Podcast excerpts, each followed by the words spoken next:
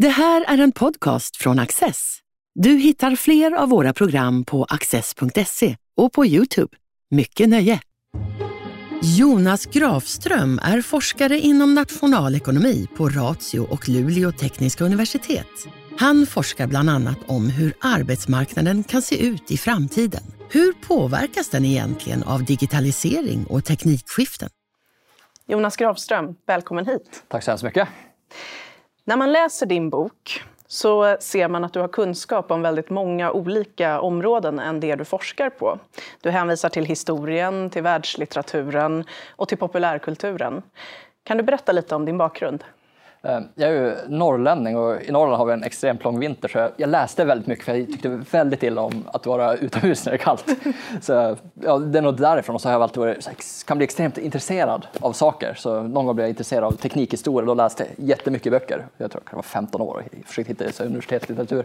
Men jag kan också bli intresserad av, av skönlitteratur för den sakens skull. Och det har hjälpt mig extremt mycket i skrivandet och jag tror i forskandet också. Det besvarar nästan min nästa fråga här. Att du, din forskning inbegriper ju både eh, ekonomi, hållbar utveckling och framtiden. Yeah. Jag tänkte fråga hur det kommer sig att du forskar så brett, men det här förklarar ju nästan. Ja, eller det ser nog ut som att jag forskar brett, men egentligen om man gräver i det skulle man kunna hitta en kärna och det är teknikutveckling. Och det är kanske egentligen det jag tycker är extremt spännande och det går att tillämpa på nästan vilket område som helst. Så inom miljön, jag skrev en avhandling om teknikutveckling i vindenergisektorn i Europa. Så det är ju helt klart teknikutveckling, men eh, på Ratio där jag jobbar nu, det är mycket arbetsmarknad och ja, det händer ju extremt mycket på arbetsmarknaden som är teknikrelaterat. Men teknikutveckling är ju också grunden för egentligen konst och litteratur. Det var inte så mycket stor litteratur förrän Gutenberg presenterade tryckpressen och man kunde börja sprida saker. Det fanns säkert ganska många bra författare på 1300-talet och 1200-talet, men det är inte förrän ja, någon kan plocka upp det och skicka ut det som det finns en i alla fall hygglig chans att det överlever. Och det är väl kanske lite sorgligt att kanske mycket av den stora litteraturen bara försvann för att ingen såg det. Men några stycken bra finns det ju. I din och Christian Sandströms bok Mer för mindre eh, då beskrivs bland annat eh, politiska styrmedel och hur ny teknik kan samverka för att minska miljöbelastningen. Kan du ge några exempel? Och eh, är politiska styrmedel rätt för miljön? Ibland. Alltså det vi kommer fram till att vi, vi har en bok som vi kollar egentligen på alla utsläpp i Sverige. Alltså lite alla, men så, vi har 65 grafer i den här boken så det, det finns gott nog för den som är vetgirig. Den är egentligen baserad på en bok som, av Andrew McAfee, en MIT-forskare som hade kollat på USA, 60 olika utsläpp. Han såg att ja, allting gick ner över tiden fast ekonomin växte. Så både jag och Christian blev extremt intresserade av hur är det? Och eh, vi grafade upp allt och det var många så wow moments. Att okay, det är faktiskt bättre än vad vi trodde. Och det här betyder inte att det är bra i världen, för i världen ökar koldioxidutsläppen med en ökande takt utöver att corona nu kanske fixade till siffrorna, men det är typiskt obra som man skulle säga som en norrbottning. Men i Sverige såg vi till exempel att ekonomin nästan fördubblades, så nästan 100 procent mer här, BNP har vi. Och eh, koldioxidutsläppen gick faktiskt ner. Och eh, det beror på ja, dels policy, men mycket teknikutveckling. Om man tar till exempel ja, men alla lampor som är ja, i det här rummet drar extremt mycket mindre ström än så här, lamporna som vi hade när vi, när vi var barn. En modern LED-lampa drar uppemot 85 procent mindre energi än en så gammal glödlampa. Och om man tänker på hur många miljoner lampor det finns i Sverige så gör det ganska stor skillnad. Samma sak ett modernt kylskåp drar ungefär kanske 20 procent av ett gammalt kylskåp. Så det gör en extremt stor skillnad att byta de här, eller kolaburken och så här, ett annat. Så, här, Men, så alla människor som har klimatångest nu och miljöångest och oroar sig för sin konsumtion och till exempel känner att de handlar för mycket kläder eller för mycket plast eller för mycket onödiga prylar. Liksom. Är det då inte ett lika stort problem idag som det var för tio år sedan? Nej, gud nej. Om man till exempel kollar på hela Europa så är det någonstans att vi dematerialiserar ekonomin. Och så, alltså, det finns extremt stora problem ändå, men om man tar ja, ett underhållningssystem som en mobiltelefon innehåller ju egentligen flera ton plast och andra material som om det hade varit på i början av 90-talet så en, kanske en klassisk man cave skulle man kunna kalla det med en storbildsskärm och tv, alltså hundratals videokassettfilmer och förhoppningsvis några bokhyllor också ryms i den här boken och eh, alla ens banktjänster och ja, what not. Så någonstans ser det ut som att eh, vår konsumtion går mot någonting som är mindre dåligt.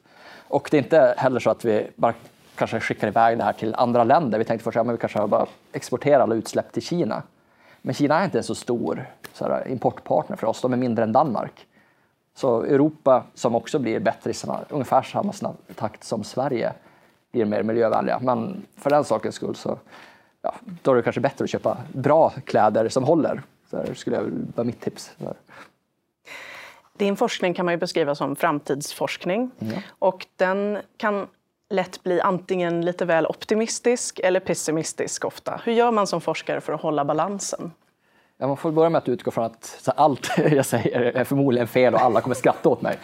Om man utgår från det så ja, då får man kanske tillräckligt mycket ödmjukhet. Men så I min moderna tidebok har jag ett par exempel på alla som sa, ja, så här, Fredrik Drake när försökte få folk att arbeta med honom och borra efter olja. Man bara, de sa bara, men varför ska vi borra efter olja? Så, det finns valar. Eller ehm, eh, chefen på det brittiska patentkontoret, så när telefonen kom, han bara, ja, det här kanske amerikanerna har användning av, men vi har gått om springpojkar. Så jag tror alla som försöker uttala sig om teknikutveckling kommer ha fel. Så, och det är egentligen det jag försöker få fram lite grann i boken. Att, eh, för grunden när jag skrev den var att jag, jag blev extremt eller inte extremt, men så lite lagom trädd när det kom ett working paper från två forskare i Oxford, det var 2013. Och det var Osborne och Frey och de sa att hälften av alla jobb kommer vara borta om 20 år. Och det lät ju inte så bra för någon som ska ut på arbetsmarknaden som mig. Och eh, det var där någonstans jag började skriva. Jag trodde ganska mycket på det här och efter det kom det ganska många böcker på samma tema. I Sverige eh, släppte professorn eh, Stefan Fölster en bok som heter tror, Robotrevolutionen förmodligen. Och han räknar ut att 47 till 49 procent av jobben skulle vara borta. Men så här, nu är det 7-8 år senare och det ser inte ut som att jobben har försvunnit. Och det tycker jag är en extremt viktig punkt och poäng att göra för att jag tror att folk är extremt rädda för framtiden. Att det, vi har sett eh, ja, med många historiska teknikskiften att folk blir som vansinniga när det kommer nya teknologier. Antingen kastar man sig sina skor in i vävmaskinerna eller så tar man som, bara slår sönder dem. Rent ut sagt. Men om man tar på 30-talet så har man sett att ja, de som kanske mest eh, stödde kanske fascistiska och nazistiska partier var de som kanske var nära att förlora sina jobb och sin status i samhället. För ja, det är så mycket av en status är knuten till jobbet. Så om du är en småbrukare eller har ett lilla lantbruk och sen kommer storjordbruket och tar över, ja, men det är klart att du blir riktigt, riktigt förbannad. Eller om du har en liten affär och så kommer en stor Walmart, ja, men då är det, du tappar platsen i samhället, blir arg. Ja, men för det är lite spännande med den här boken. För du visar väldigt tydligt att det är en fin tradition det här nästan att det, när det kommer en teknisk utveckling då blir folk rädda och känner att ah, nej, mitt jobb kommer försvinna och 40 procent av jobben kommer försvinna, 50-60 mm. procent. Men vad är det som i själva verket händer vid en teknisk revolution? För vissa jobb försvinner ju, men Absolut. någonting annat händer istället. Ja, det, är som, det är så lätt att se de här jobben som alltså verkligen försvinner. Att om vi går här på gatorna, utöver att corona har gjort att en del affärer försvinner, så var det ändå en hel del affärer försvann. Men om man kollar på siffror från USA så det täcker ganska ett till ett jobben som försvinner i de här shoppingmålsen som stänger med jobben att bygga upp den nya infrastrukturen för att ja, köra ut paket eller för den saken bara köra. Det är ganska många som packar paket och kör paket.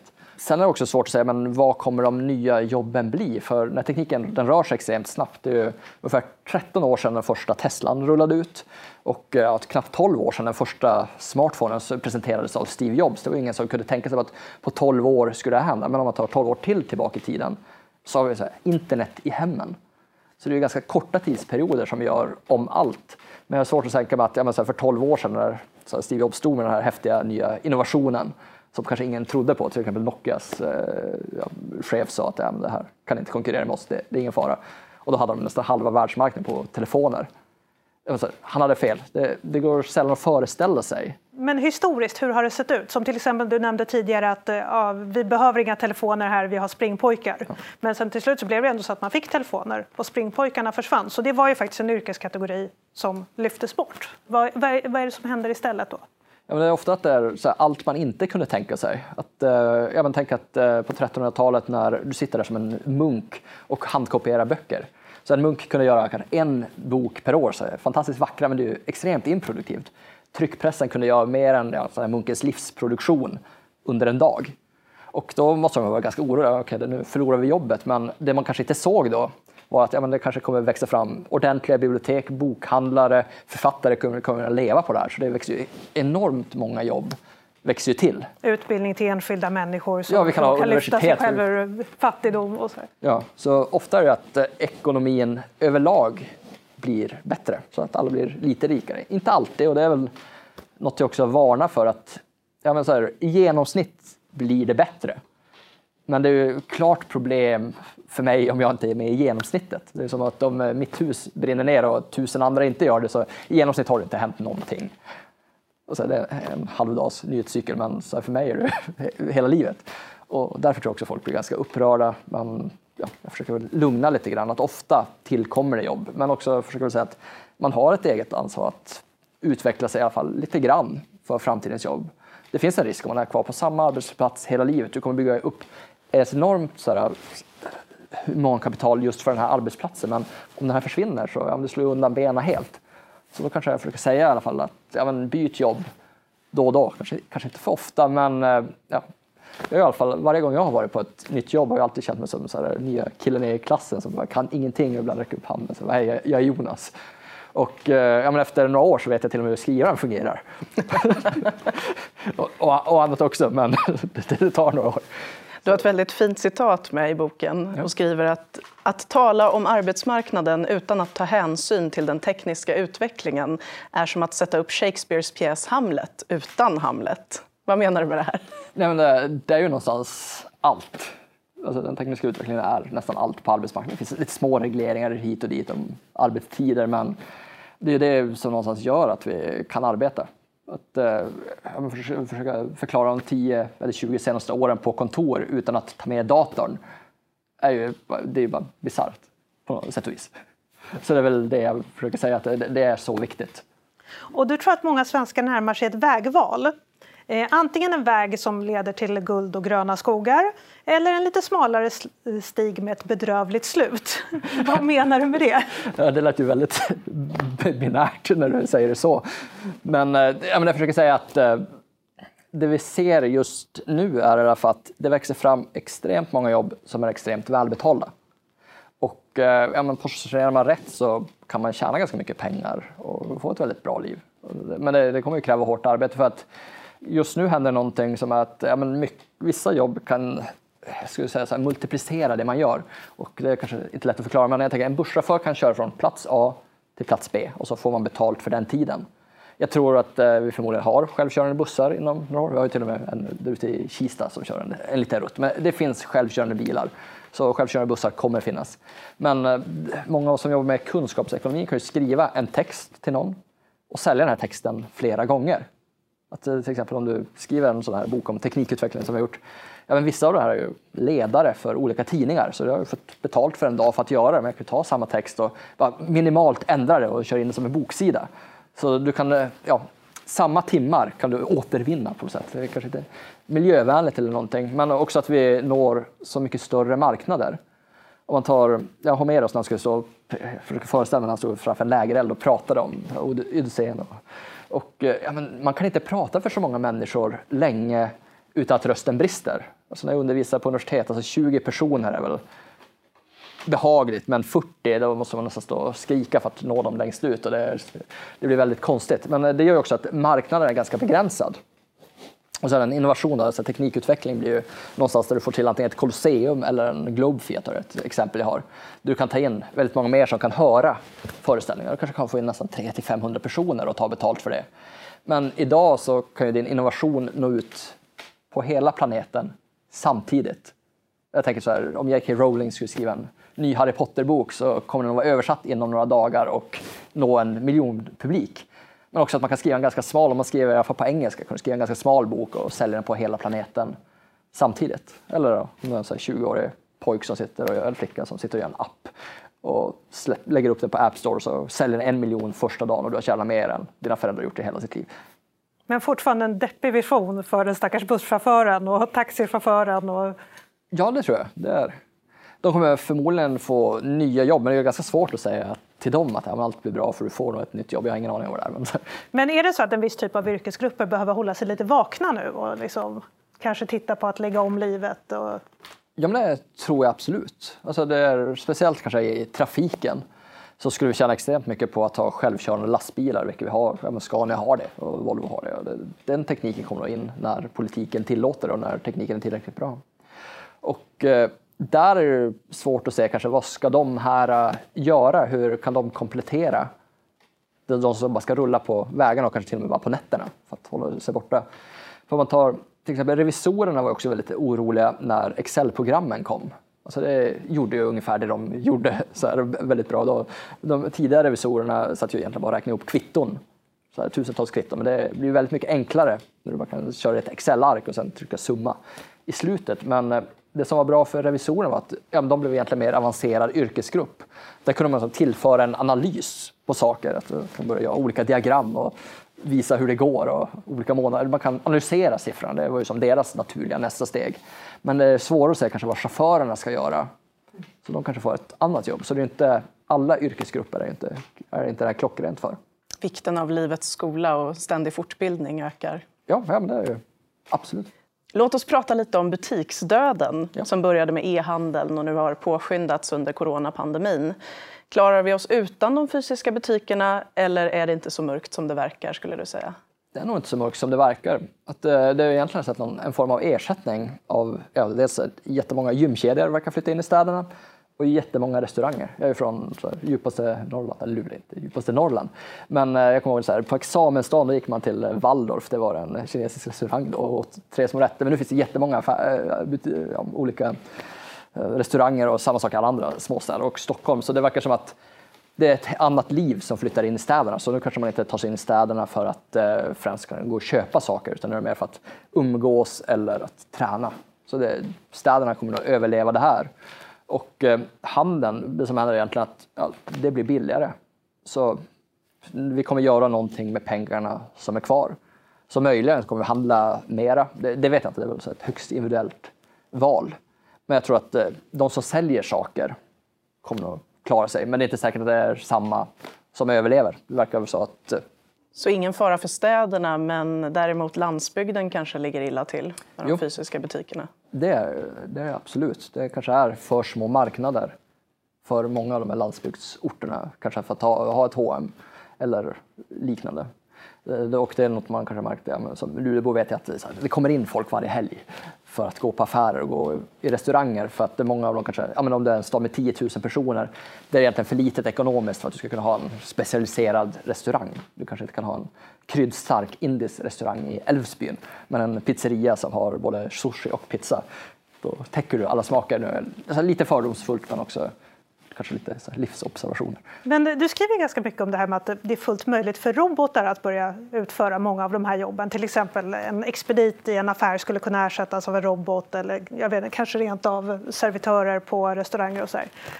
Skulle den utvecklingen kunna leda till att det faktiskt är möjligt att ha flera sorters affärer också på småorter? Eftersom man slipper lönekostnader och sådär tycker jag. Ja, ja men absolut. Det är en ganska stor besparing att ha ja, men, självbetjäningsgrejer. Det skulle man kunna säga. Alltså när man blippar allting själv skulle vi nästan kunna kalla en robot. Och eh, det finns ju företag som jobbar med obemannade butiker som ja, känner av att om du kanske klickar ditt kort när du går in och så sätter du bara saker i påsen och ja, det kommer läsa av på vägen ut. Det är inga större problem än det. Jag kommer ihåg att det fanns en sån affär i Seattle som, Amazon provar nu. Att deras anställda, du har bara en påse, allting läses. Det verkar extremt smidigt. Och det skulle ju definitivt kunna finnas där på landsbygden. För det där är intressant, för det är en typisk sån utveckling som då skulle kunna ta någons jobb. För att då får ju expediten i affären inte jobba där längre. Men å andra sidan så har du ju vinsten att små orter kan få affärer som de annars inte skulle ha. Precis, och det kan vara kanske flera små orter som får en sån här affär.